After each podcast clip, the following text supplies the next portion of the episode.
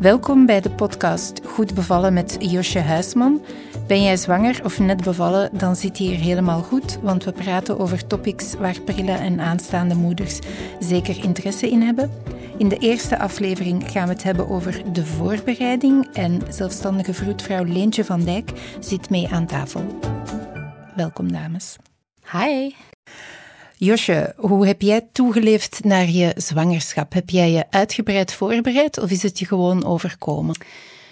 Nou, mijn, zwang mijn zwangerschap is mij in die zin overkomen dat ik dacht: als het zover is, dan is het zo. En, um, en daardoor heb ik me niet echt heel fysiek voorbereid. Ik leef eigenlijk over het algemeen vrij gezond en het ging bij mij heel makkelijk, laat ik het zo zeggen. Dus uh, vanaf het moment dat ik wist dat ik zwanger was, ben ik wel nog extra gezond gaan leven en meer gaan opletten. En ben ik me ook echt gaan verdiepen in de zwangerschap. Leentje, zie jij dan in jullie praktijk dat er al dames naar jou komen voor ze zwanger zijn, met eigenlijk de vraag van wat moet ik doen om optimaal voorbereid te zijn op een zwangerschap? We zien dat heel af en toe, maar veel vaker komen vrouwen pas in de loop van de zwangerschap of zelfs al later in de zwangerschap uh, om dan te komen vragen rond voorbereiding. Maar eigenlijk zou het goed zijn dat uh, vrouwen al voor hun zwangerschap langskomen om te kijken wat er mogelijk is. Welke soort cursussen dat er zijn, waar dat ze terecht kunnen voor begeleiding. Dus ik zou zeggen, kom naar een vroedvrouw voordat je zwanger bent. Een tip die veel mensen zullen kennen is: begin al met het slikken van foliumzuur voor je eigenlijk zwanger bent. Zijn er andere tips die je meegeeft aan dames die zeggen: ik begin aan een baby te denken? Um, ik denk dat het goed is om, om al eens een keer langs te komen bij iemand, zoals bij een vroedvrouw, om al wat info te krijgen rond levensstijl, rond gezonde voeding, rond wat dat je al best kan nemen, uh, rond wat naar sporten toe, zodat je eigenlijk voor de zwangerschap weet uh, wat dat er goed is voor je zwangere lichaam. Josje, jij vertelde dat die zwangerschap je toch een beetje overkomen is in het begin, die eerste weken, kwam je informatie dan vooral van vriendinnen of van het internet? Mm, vooral van het internet en boeken die ik heb gelezen. Ik heb niet zoveel vriendinnen met kinderen. Ik heb wel zussen natuurlijk en uh, een mama die het vijf keer heeft meegemaakt. Maar um, ik ben toch echt zelf uh, ja, gaan zoeken. Vond je het gemakkelijk om betrouwbare informatie te vinden? Nou, het is ook vooral. Um, de informatie is er wel, maar het is ook maar net waar je je goed bij voelt. Of wat je zelf nodig hebt aan informatie. Want er staat gewoon een heleboel informatie ook waar ik persoonlijk niet zoveel aan had. Die ook een beetje angstgebaseerd was. Of heel erg medisch of heel erg um, commercieel. En ik merkte aan mezelf dat ik wel een paar keer verder moest klikken om echt de informatie te vinden waar ik mij goed bij voelde en wat heel erg aansloot bij de wensen die ik had. En zo duurde het ook wel iets langer dan gemiddeld, denk ik, om een vroedvrouw te vinden die bij mijn stijl van beleving paste. Leentje, geven jullie mensen daar tips in? Want het is inderdaad zo, er is heel veel informatie online, maar hoe onderscheid je eigenlijk dat kaf van het koren? Wij raden mensen aan om niet heel veel online te gaan opzoeken, omdat dokter Google niet altijd heel correcte informatie geeft. En waar raden jullie dan? Zijn er bepaalde boeken of praten jullie zelf met de mensen? Wij geven heel veel info zelf. Uh, wij raden ook bepaalde boeken aan die dat we allemaal zelf hebben gelezen, zodat we weten dat de info die dat erin staat zeker en vast correct is.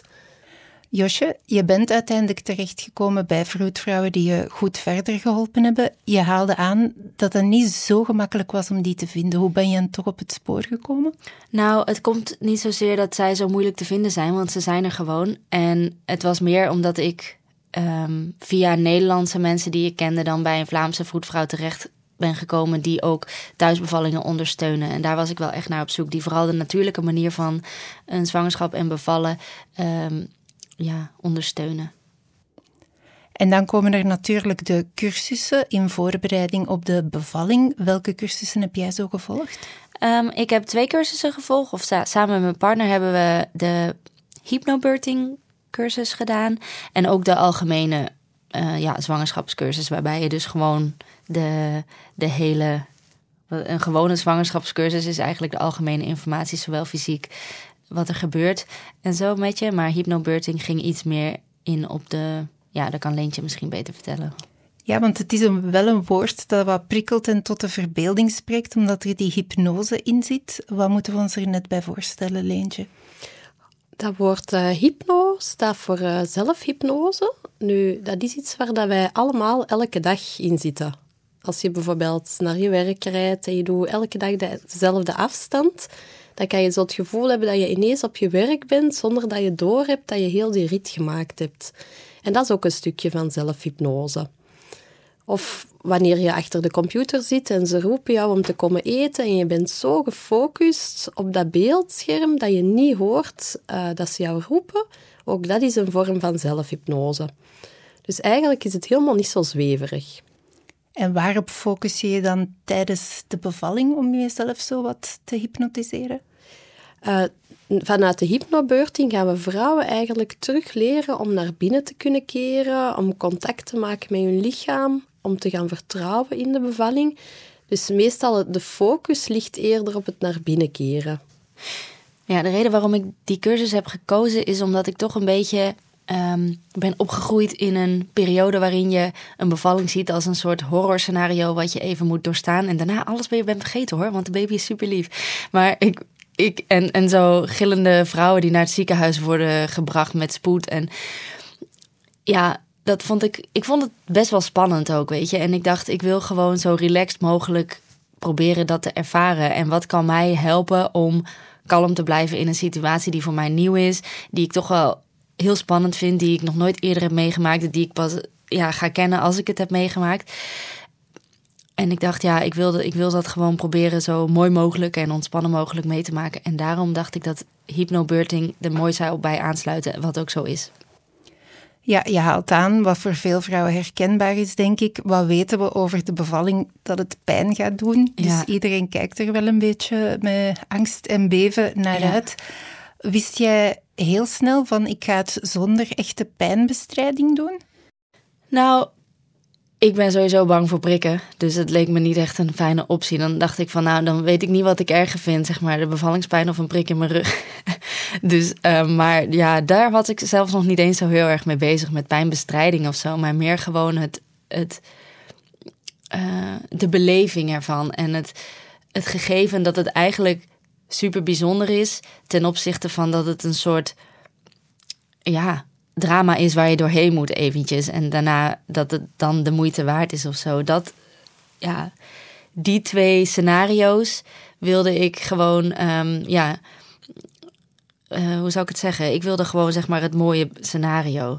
En ik weet dat je dat niet zo kan plannen of dat je dat niet van tevoren kan beslissen van ah, ik wil het zo en zo en zo. Maar ik had wel in mijn hoofd van ik wil proberen. Dat is wel mijn uitgangspunt, zeg maar. Dat is wel hoe ik het wil beleven. En ik wil er alles aan doen en de juiste mensen om me heen verzamelen om het zo te kunnen beleven. Leentje, we horen bij Josje aan de ene kant spanning voor het moment, aan de andere kant het verlangen om er een mooie belevenis van te maken van die bevalling. Vind jij vanuit je ervaring dat de keuze dat je maakt hoe je met die pijn gaat omgaan, of dat je dat op jezelf op een natuurlijke wijze gaat opvangen, of dat je je medisch laat bijstaan. Heeft dat impact op die beleving? Ik denk dat hoe dat vrouwen op voorhand naar de bevalling toestappen, dat dat, dat dat heel veel invloed heeft naar de beleving. Als je in vertrouwen kan gaan staan in je lichaam, gaat dat een heel mooi effect hebben naar de bevalling toe. Als je heel angstig bent, dan is de kans gewoon ook veel groter dat je helemaal gaat opspannen en worden de weeën ook veel intenser. Wij, praten met zwangeren niet over pijn, omdat pijn heel negatief gelinkt is voor bijna iedereen in ons maatschappij. Hè. Pijn, dat is iets dat, dat, heel, dat niet leuk is. Hè. Um, wij spreken over de intensiteit, omdat bevallen gewoon een, een heel ander gegeven is. Dus dat is iets veel natuurlijker. Ja. Ik denk wel dat dat mij op het moment zelf heeft geholpen. Um, ook al vergat ik soms wel eventjes um, hoe of wat. Maar dan was Leentje er en, en Els ook om mij eraan helpen herinneren. En dat heeft ervoor gezorgd dat het grootste gedeelte van mijn bevalling wel uh, op de manier is gegaan zoals ik het voor ogen had. Maar uiteindelijk, zoals ik net al zei, je kan het niet plannen. Dus uh, ik ook heb moeten uh, ingeven op, op mijn verlangen en, en niet, niet, ja, niet alles is gegaan zoals ik het had gehoopt. En ik denk dat dat voor mij ook wel een, een eye-opener was naar het boek toe. Van oké, daar moet je dus ook rekening mee houden. Je kan het wel uh, helemaal willen op een bepaalde manier. En het helpt je ook zeker. Maar je, kan nog je hebt het nog altijd niet zelf in de hand. Dat is natuurlijk het magische van een bevalling ook wel. En van een baby krijgen. Is dat het iets is dat, dat de natuur beslist. Leentje Josje koos voor hypnobirthing en een klassieke zwangerschapscursus. Welke andere opties zijn er nog eigenlijk? Er zijn veel verschillende soorten cursussen. Nu, de meest gevolgde is de gewone zwangerschapscursus. Dat is een zwangerschapscursus dat bestaat uit uh, verschillende lesjes van arbeid, bevalling tot borstvoeding en wat doe je met dat pasgeboren babytje na de geboorte. Dat zijn meestal groepscursussen die daar heel interactief en leuk uh, gemaakt worden met veel filmpjes. De hypnobirthing um, is meer een cursus nog ook met heel veel kennis, maar ook specifieker naar ontspanning toe, naar ademhaling. En zo komen daar visualisaties en um, affirmaties ook aan bod. Misschien eventjes uitleggen, een visualisatie, wat dat juist is? Een visualisatie is een ontspanningsoefening waar dat de mensen hun ogen bij sluiten en waar dat we naar binnen keren. Ik ga zelf de visualisatie begeleiden op de cursus en mensen gaan hun dingen voorstellen om zo te kunnen gaan ontspannen en vertrouwen te krijgen in hun lichaam. Dus letterlijk een, een strand met palmbomen of zo om aan te denken? Of? Uh, zoiets, maar dan iets meer gericht naar de geboorte toe en naar het contact met het babytje. Nu, er zijn nog uh, heel andere zwangerschapscursussen, zoals zwangerschapszwemmen. Uh, is iets dat je bij sommige vroedvrouwen kan doen, of bijvoorbeeld zwangerschapsyoga. Is ook heel goed naar ontspanning toe en naar vertrouwen krijgen in je lichaam. En is dat echt louter voorbereidend? Of wordt er dan ook naar een yoga-oefening teruggegrepen tijdens de bevalling, wat mij vreemd lijkt? Nee, er wordt niet De warrior pose. ja. Nee, we gaan geen standing dog tijdens de bevalling doen. Um, de zwangerschapsyoga is een heel zachte vorm van yoga en ook vooral op ontspanningsoefeningen en ademhaling. Josje, in the heat of the moment, wat hielp jou ontspannen? Ik had een soort um, circuitje. Ja, ik had een soort circuitje. Ik had een badje en een matje. En ik liep dan eventjes. En dan ging ik steeds van het badje terug naar het matje. En weer even een stukje lopen. En dat deed ik de hele tijd. En dat hielp mij wel. Want daardoor raakte ik in een soort van flow of een soort van ja, hypnose. En Leentje hielp mij ook. Want ik vergat ook heel vaak. En dan zei ik, Leentje, wat moet ik doen? Dan zei ze ademen. Oh ja, oké. En dan weer ademen. Want dat is echt best wel heel cruciaal om te blijven ademen. Dat is met heel veel dingen zo natuurlijk. Dus uh, om een leven te blijven heel belangrijk. Maar ook uh, tijdens een bevalling was dat echt heel belangrijk om te onthouden. Inderdaad, ademhaling is zo belangrijk bij ontspanning. Zijn daar ook specifieke cursussen voor? Uh, je kan zeker cursus gaan volgen naar een gewone goede buikademhaling. Nu, tijdens de zwangerschap, ook al volg je geen cursus, iedere vroedvrouw zal samen met, met de zwangere, maar ook met de partner, gaan leren ademen.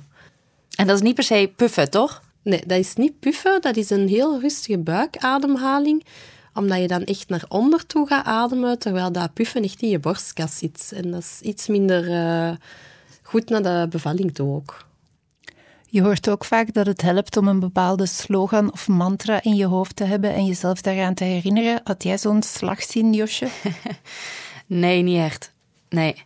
Ik heb wel uh, op, op, op de helft of zo een kaartje gekregen die Leentje had getrokken uit een soort... Uh, ja, ik weet niet precies waar ze die vandaan toverde, maar die hielp wel. Dat was wel heel cool. Dat was een mooie, mooie afbeelding en er stond zoiets in van I'm a birthing goddess of zo. En dacht ik, yes, I am. En toen had ik weer terug wat energie.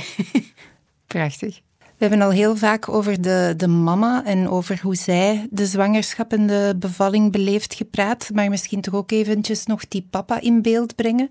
Negen maanden staat hij er een klein beetje buiten. Hoe kunnen we hem het best betrekken bij de voorbereiding? Leentje, heb je daar tips voor? We gaan zeker en vast in al onze cursussen de papa heel sterk betrekken ook uh, prenataal naar het contact naar de baby toe is heel belangrijk dat de papa door, door de buik aan te raken, door te praten met de baby, al een eerste contact kan uh, gaan maken. Want we zien dat heel veel papa's het gevoel hebben dat ze pas echt contact kunnen maken met, met kindje na de geboorte. Uh, we gaan zoveel mogelijk proberen voor te bereiden en de papa tijdens de consultaties heel sterk betrekken. Ook hoe dat het voor hem is, hoe dat hij zich voelt. Of zij, als het een, eh, een vrouwelijke partner is natuurlijk. Hè? Uiteraard. Josje, had jij een speciale manier om je partner erbij te betrekken?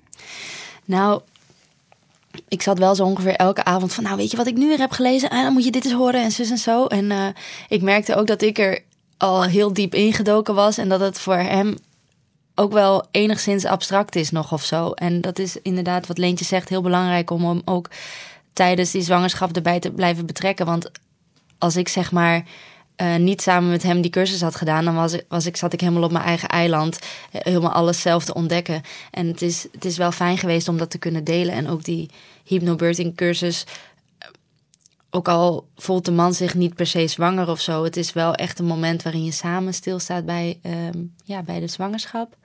En um, ja, het blijft zo dat de man het natuurlijk heel anders ervaart. Dus het is ook wel ergens best wel begrijpelijk dat het dat mannen zich soms een beetje een soort van half buitenspel voelen. Hoe hard je ook je best doet om hem erbij te betrekken. Ja, hij is niet degene die zwanger is. Dus dat is gewoon zo. Dus dat, dat blijft wel echt een aandachtspuntje, denk ik, voor heel veel mannen en vrouwen.